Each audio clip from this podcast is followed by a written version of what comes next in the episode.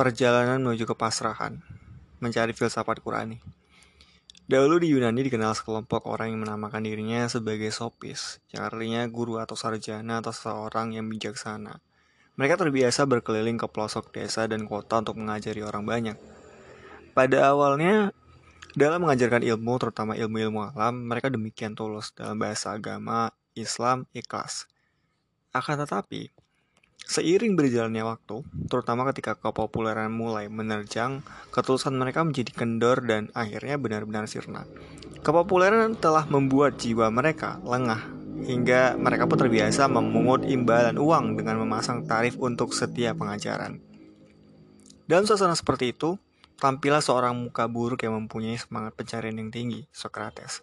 Demikian ia bisa biasa dipanggil dengan suka hati mengajukan diri sebagai penantang. Tentu saja bukan tanpa alasan ketika muda ia ingin belajar bahasa. Ia pun datang kepada seorang sopis bernama Prodikus. Sayang, Socrates hanya sanggup membayar Prodikus satu drokma. Dan karena uang telah menjadi surga bagi kaum sopis, maka uang yang sedikit itu hanya mampu mengantarkan Socrates mendapatkan dasar-dasar bahasa yang sangat rendah. Akan tetapi, Socrates tidak putus asa. Dengan sungguh-sungguh ia belajar secara otodidak. Kalau ia mulai menguasai beberapa ilmu, berkat bahasa yang ia kuasai benar, sampai masalah retorikanya, barulah ia mengajukan diri sebagai penentang. Dengan lantang ia berujar, terutama ditujukan pada Prodikus. Siapa yang menjual kecantikan untuk memperoleh uang, maka ia adalah prostitut, orang yang suka mendagangkan kelamin. Tanpa sedikit pun ragu ia melanjutkan. Begitu pula yang menjual pengetahuan. Dengan kepercayaan diri yang tinggi, terutama percaya bahwa dirinya mempunyai sejuta dalil untuk bisa membungkam kaum sopis, Socrates menantang kaum sopis untuk berdiskusi atau berdebat. Tantangan ini ia teriakan di banyak halakah diskusi yang ia ikuti dan atau ia adakan di banyak tempat.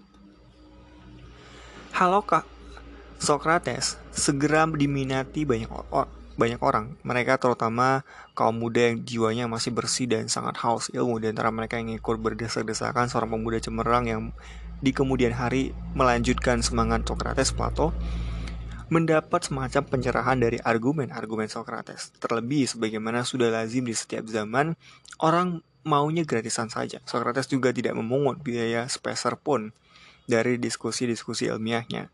Baginya imbalan adalah pelacuran.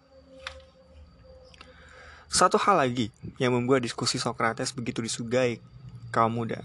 Ia tak pernah mendoktrin orang untuk meyakini apa yang ia ajarkan, seperti lazimnya kebiasaan kaum sopis.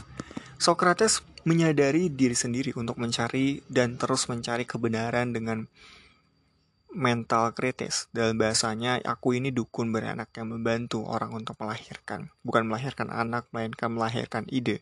Seperti ibunya, Socrates menamai diri sebagai seorang bidan atau dalam bahasa Sunda, paraji. Gaya Socrates ini berbeda dengan 180 derajat dengan gaya kaum sopis yang suka memaksakan pendapat untuk diyakini orang banyak. Ketika diskusi Socrates semakin diminati, kaum sopis menjadi menjadi berang. Popularitas mereka pun semakin bertambah rusak. Kaum sopis rusak jelas bukan karena Socrates, sebaliknya diri mereka sendirilah yang merusaknya. Sebab mereka tak bisa mengendalikan amarah. Sudah menjadi sunatullah kemarahan tanpa alasan yang tepat, kemarahan yang datang karena kedok kebodohan terbongkar, kemarahan karena nafsu ketenaran terancam, ke mana, kemarahan karena nafsu duniawi merupakan sifat yang tidak pantas dimiliki oleh seorang sarjana dan karena itu pasti merusak kesarjanaan mereka. Dalam kondisi kaum sopis yang terbakar emosi dengan kecerdikan seperti rusak, Socrates justru kerap mendatangi mereka dari ahli politik, pejabat, pedagang, sampai tukang mengajak mereka berdiskusi. Kepada mereka dilemparkannya pertanyaan-pertanyaan berat mengenai keyakinan mereka, pekerjaan mereka, dan hidup mereka sehari-hari. Jawaban yang diberikan oleh kaum sopis, terutama ia analisis dan ia simpulkan dalam satu hipotesis, Hipotesis ini kemudian ia lemparkan lagi kepada mereka. Lalu jawabannya ia analisis lagi. Demikian Sokratesnya sehingga tercapailah apa yang menjadi tujuan Sokrates, membuka kedok segala peraturan dan hukum yang semu hingga sampai sifatnya yang maya, lalu mengajar, mengajak orang untuk melacak atau menelusuri dengan perenungan yang prima sumber hukuman pemikiran yang sejati. Dalam diskusi-diskusi atau debat-debat ini, karena gaya retorika kaum sopis yang sombong dan suka menularkan kesombongan itu kepada orang banyak, tidak jarang Socrates melemparkan pertanyaan-pertanyaan menggelikan yang sengaja ia maksudkan untuk membingungkan lawan diskusinya. Karena jawaban-jawaban kaum sopis sering kali aneh, kontra belakang dengan jawaban semula yang telah mereka katakan, maka dengan tak kepalang tanggung Socrates kerap menertawakan atau menghina, dan ini menjadi hiburan bagi orang banyak. Barangkali tragedi yang menimpa kaum sopis ini dikarenakan kondisi jiwa mereka yang sudah terbakar marah. Jadi bukan masalah kecerdasan intelektual yang berperan penting di sini, melainkan retorika dan kecerdasan emosional. Dalam segala kefasihannya, menuju kemenangan demi meraih kebenaran, sebenarnya Socrates melebihi pantas untuk disebut sopis, sarjana atau guru.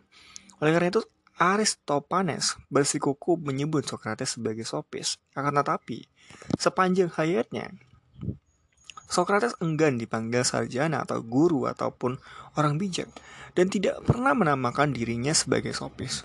Ia, biak, ia bijaksana atau pengetahuan. Ia lebih senang menyebut diri sebagai seorang pecinta kebijaksanaan atau pengetahuan, seorang filsuf hanya sebagai seorang pencinta. Dan memang tekadnya untuk benar-benar mencintai kebijaksanaan dan pengetahuan ia buktikan sampai akhir ayatnya. Melalui karya muridnya Plato yang legendaris, kita membaca bagaimana kematian tragis yang akhirnya dipilihnya.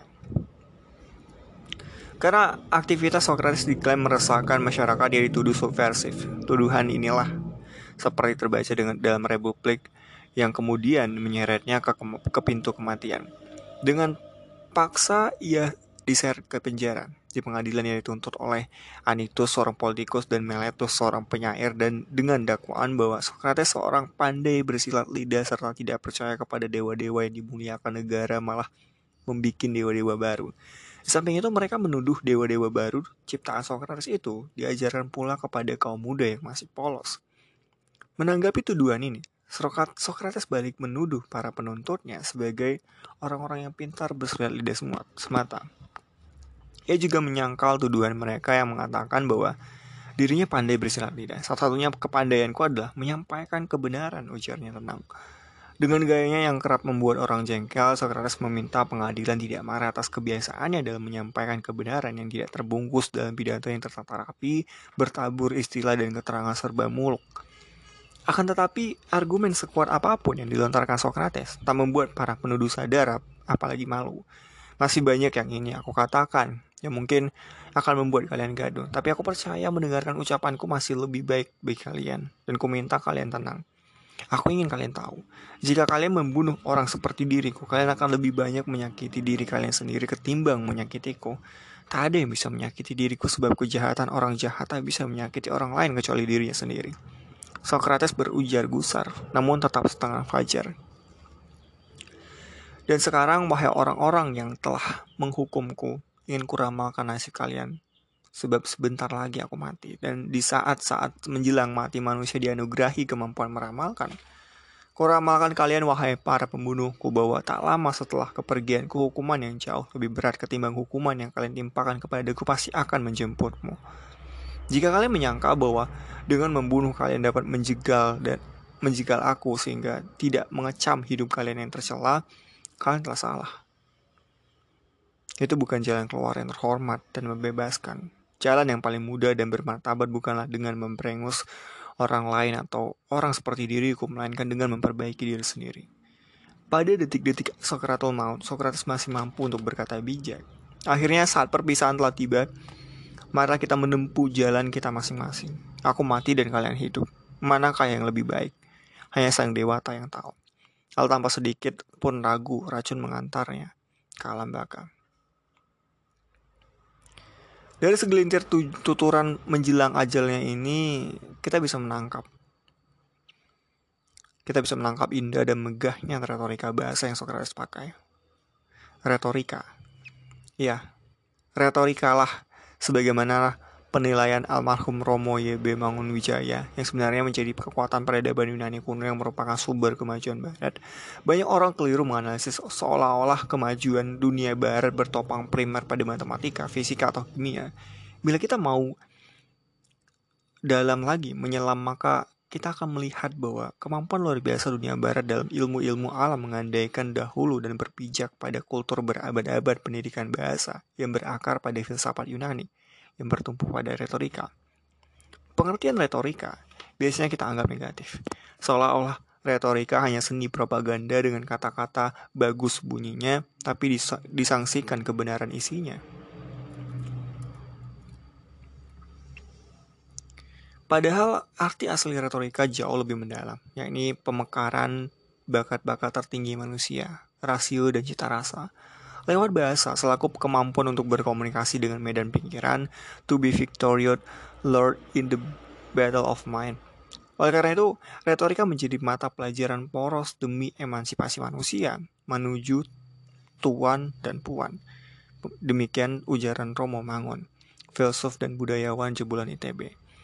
Tentang retorika, perhatian perhatikan ayat berikut ini. Berilah mereka nasihat dan berbicara kepada mereka dengan pembicaraan yang menyentuh jiwa. Kaulan Baligo. Quran Surat An-Nisa 63. Simak pula sabda Nabi SAW yang memperteguh ayat ini. Lana ba'da al-biani lasibrun. Sesungguhnya dalam kemampuan berbicara yang baik terdapat kekuatan sihir. Tidak aneh bila Hitler si jago ceramah itu sampai berujar dalam bukunya Mein Kampf setiap gerakan besar di dunia ini dikembangkan oleh ahli-ahli pidato dan bukan oleh jago-jago tulisan. Hitler si, si diktator itu pun berujar. Ia sukses menyihir rakyat banyak sehingga bisa ia dikte dengan kemampuannya berbicara. Demikianlah kekuatan sihir yang terdapat dalam retorika. Oleh karena itu, sudah sepantasnya kita tidak lupa untuk mempelajari ilmu yang dewasa ini sudah hampir punah. Tentu saja bukan untuk menerima kebej kebejatan Hitler, melainkan demi bermekarannya bakat-bakat tertinggi manusia, yaitu rasio dan cita rasa. Dalam hal sanah keilmuan Islam, ilmu ini dikenal dengan ilmu balagoh, bayan, dan ma'ani, dan sampai sekarang masih tersembunyi sepi di segelintir pesantren. Kita melihat Socrates enggan menyebut dirinya sebagai seorang sarjana atau seorang bijaksana. Ia hanya menamakan dirinya sebagai pecinta kesarjanaan, pecinta pengetahuan, pecinta kebijaksanaan. Inilah makna filsafat seperti terlihat dari penurunan katanya. Filosofia. Pilo artinya cinta atau pilia artinya persahabatan atau tertarik kepada, sedangkan Sophia artinya kebijaksanaan, pengetahuan, keterampilan, pengalaman praktis, intelijensi. Dari sejumlah arti tersebut, para filsuf membuat satu pengertian mendasar bahwa filsafat adalah cinta kebijaksanaan. Sekali lagi, seperti Socrates, seorang filsuf sampai akhir hayatnya tidak akan mengaku diri sebagai seorang sarjana atau sopis atau ulama atau yang bijaksana. Seorang filsuf sekedar pecinta, ya, hanya pecinta tak lebih. Begitu indah kiranya kita mendengar kalimat itu, pecinta kebijaksanaan. Di sini terdapat dua kata penting yang perlu kita simak, cinta dan kebijaksanaan. Dalam karyanya yang masyur, Simposium, Plato menulis pendapat gurunya tentang cinta. Filsuf ber, bermuka buruk itu memandang cinta sebagai kerinduan kepada kebaikan dan keindahan yang disebutnya eros. Eros adalah hasrat jiwa untuk memiliki keindahan dan kebaikan, atau menyatu dengan keindahan dan kebaikan. Lalu Plato memperkaya Eros dengan cinta terhadap ilmu yang abstrak melebihi apa pun yang selainnya yang bisa kita bahasakan sebagai Tuhan. Dengan begitu dimulailah satu konsep tentang Tuhan sebagai sumber ilmu, yaitu Logos. Menurut Plato, agar seseorang dapat menyatu dengan keindahan dan kebaikan diperlukan bangunan intelek, yaitu akal yang kokoh diperlukan filsafat. Oleh karena itu, dipelopori oleh Plato, filsafat yang semula sekedar pecinta kebijaksanaan diubah maknanya menjadi sebuah aktivitas intelek dalam usaha mencintai kebijaksanaan demi meraih penyatuan dengan dan dalam keindahan. Kebaikan mutlak, sang sumber ilmu logos. Bagi Plato, cinta sejati sepadan dengan nasionalisme sejati karena keduanya memiliki dasar yang sama, yaitu pengetahuan.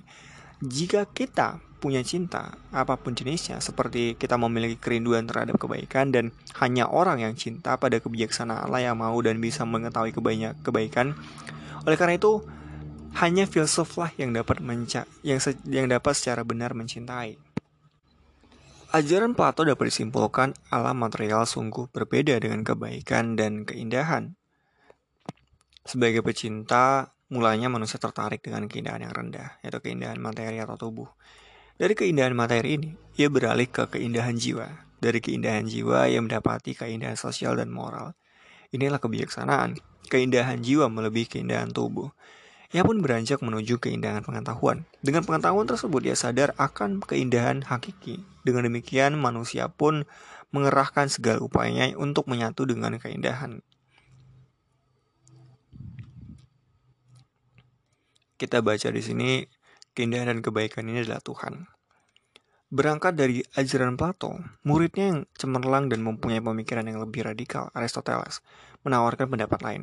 Aristoteles tidak memandang cinta sebagai sekedar kerinduan akan kebaikan dan keindahan saja. Karena kalau cinta adalah kemikian, maka cinta hanya bersemayam pada manusia semata. Sementara kata Aristoteles, apa yang man, apa yang menggerakkan kekuatan kosmis? Aristoteles menyampaikan bahwa cinta bukan hanya menggerakkan manusia, melainkan juga penggerak kekuatan kosmis pula. Dari sini makna eros berlaku juga bagi alam fisik. Langit misalnya bergerak karena menyandang Eros sebagai kepada penggerak pertama atau bentuk pertama.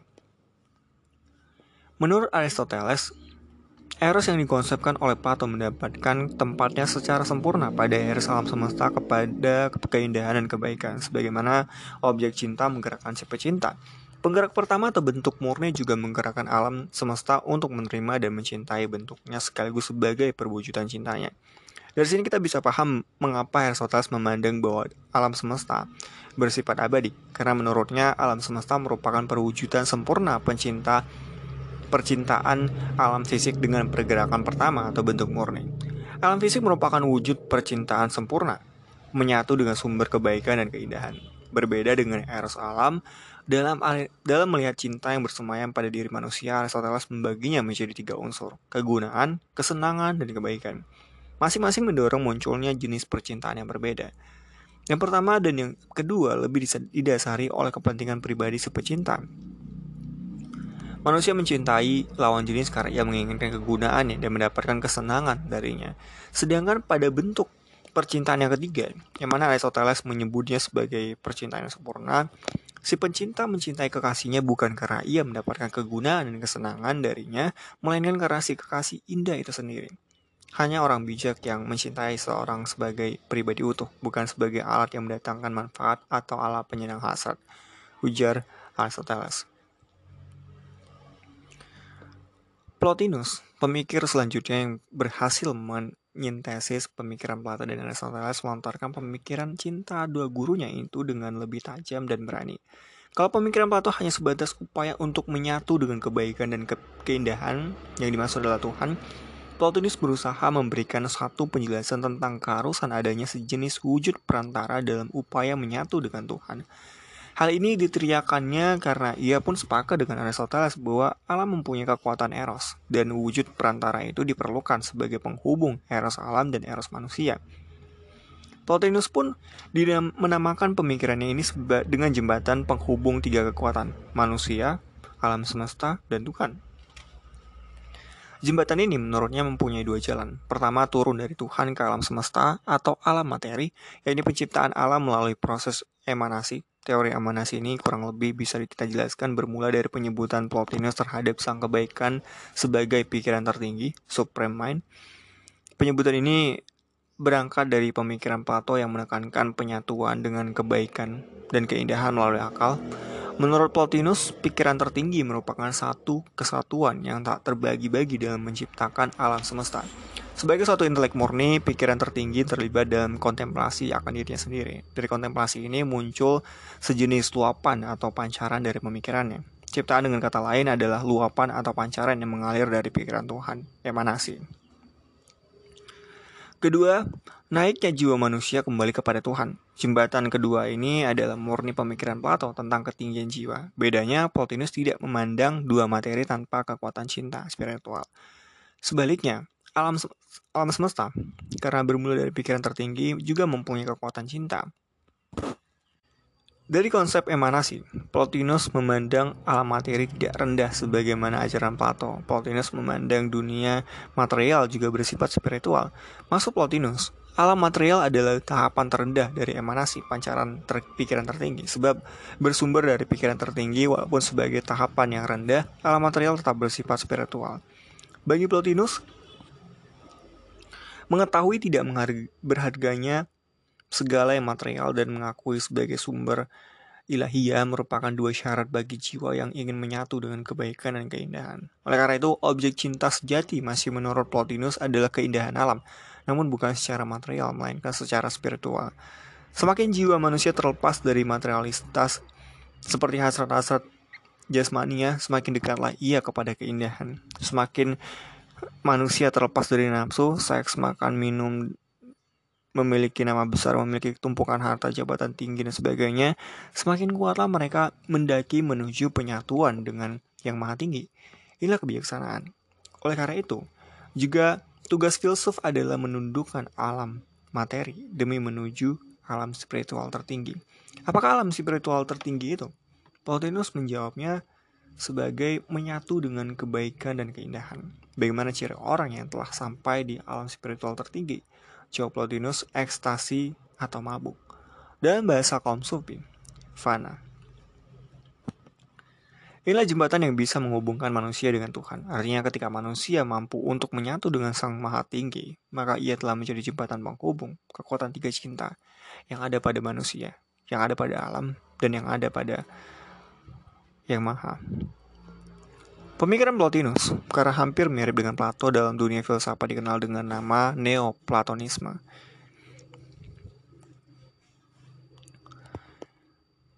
Harus diingat, Plotinus tak pernah mengklaim dirinya telah sampai di puncak pengalaman spiritual, puncak kebijaksanaan hidup atau telah mewujud sebagai jembatan penghubung antara alam dan Tuhan. Plotinus hanya memimpikan hubungan optimal antara manusia dan Sang Esa Tuhan yang meliputi pribadi secara keseluruhan. Bergabung dengan Sang Esa bukan hanya melalui pengetahuan, melainkan juga melalui akhlak dan cinta. Dia tarik doktrin emanasi telah membuat para pemikir Kristen pada abad-abad pertama kepincut. Para pendeta waktu itu merasakan bahwa teori emanasi ini mempunyai fungsi filosofis dan religius yang penting.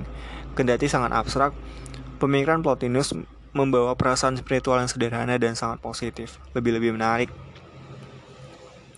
dalam pemikiran Plotinus, dunia material saja sekalipun yang terendah tetap mempunyai sifat rohani, apalagi jiwa manusia.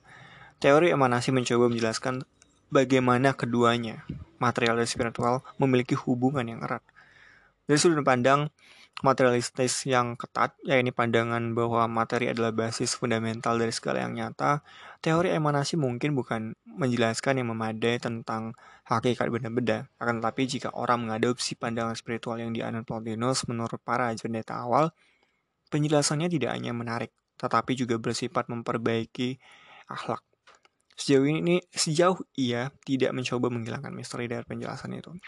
Artinya berhalak untuk menyatu tanpa mempertanyakan misteri penyatuan dengannya. Oleh karena itu, populerlah konsep pribadi Yesus sebagai perwujudan sempurna dari penyatuan antara seorang manusia dan Tuhan, sebagai puncak pendakian dari perjalanan menuju Tuhan. Bagaimana dan mengapa? Mengikuti Plotinus adalah misteri, juga karena rembesan pemikiran Plotinus ini muncullah konsep penghapusan dosa melalui darah Kristus. Karena pada hakikatnya dunia material bersifat spiritual, holy, sehingga mesti suci. Dengan begitu konsep cinta terhadap kebijaksanaan dari umat Kristiani pun terumuskan yang dalam dunia filsafat dikenal dengan agape. Agape adalah cinta tulus Tuhan Tuhan mencintai karena sifatnya memang demikian. Cintanya bukan dengan mendapatkan kebaikan, melainkan dengan memberikan kebaikan. Tuhan mencintai segala sesuatu, objek, entah yang baik maupun yang jahat. Dari sini konsep filsafat Yunani tentang cinta yang semula bersifat antroposentris manusia sebagai pusat dijungkir balikan oleh kalangan gereja menjadi teosentris, Tuhan sebagai pusat. Sejak semula, Tujuan dari filsafat adalah menyatu dengan Tuhan, kebaikan dan keindahan plus sumber ilmu dengan segala macam cara dan metode. Dalam hazana intelektual Islam, kita pun mengenal tauhid yang makna dasarnya adalah penyatuan. Entah siapa yang pertama kali mempopulerkan istilah ini. Sedikit informasi Imam Bukhari dalam kumpulan sahihnya mempunyai bab khusus yang berjudul Kitabu At-Tauhid. Ini artinya kata tauhid telah dikenal sebelum atau pada masa Imam Bukhari 194 sampai 256 Hijriah. Akan tetapi dari sekian banyak hadis yang ia catat, tidak ada satupun kata tauhid yang terlontar dari lisan Rasulullah atau dari lisan para sahabat. Dan yang pasti, tidak ada satupun kata tauhid dalam Al-Quran. Dalam khasana intelektual Islam, kata tauhid biasanya dimaknai dengan dua, dua cara. Pertama, penyatuan, yang dimaknai dengan penegasan adanya satu Tuhan atau pengesakan Tuhan. Pengertian ini dipakai oleh para ulama ahli kalam. Kedua, penyatuan yang, yang dimaknai dengan bersatu dengan Tuhan. Pengertian ini biasa dipakai oleh kalangan ulama filsafat dan tasawuf. Ya, sekali lagi, tujuan filsafat adalah penyatuan. Akan tetapi karena filsafat merupakan sebuah aktivitas, cinta demi menyatu dengan keindahan dan kebaikan mutlak, filsuf muslim memandang ada dua konsekuensi yang dihasilkan dari sana. Pertama, Filsafat merupakan satu proses pencarian yang tidak akan sampai di titik final, sebab ciri khas dari intelek akal adalah terbatas, sedangkan Tuhan adalah yang maha mutlak. Mana mungkin yang terbatas bisa menyatu dengan yang maha mutlak? Dalam bahasa Muhammad Iqbal, mana mungkin kelelawar bisa merangkul matahari. Bila manusia sampai memfinalkan kebenaran, memfinalkan yang maha benar al-haq, pada saat itu sebenarnya ia terbawa-bawa nafsu yang merasa paham terhadap yang maha mutlak mengingat kemutlakan bukanlah milik akal manusia. Jadi kalau ada saudara kita yang berani memfinalkan yang maha mutlak, berarti mereka telah gagal mencapai kebijaksanaan. Mereka telah gagal untuk dan dalam mencintai kebijaksanaan. Oleh karena itu, mereka tidak berhak dipanggil filsuf dan sudah pasti mereka telah gagal bertauhid.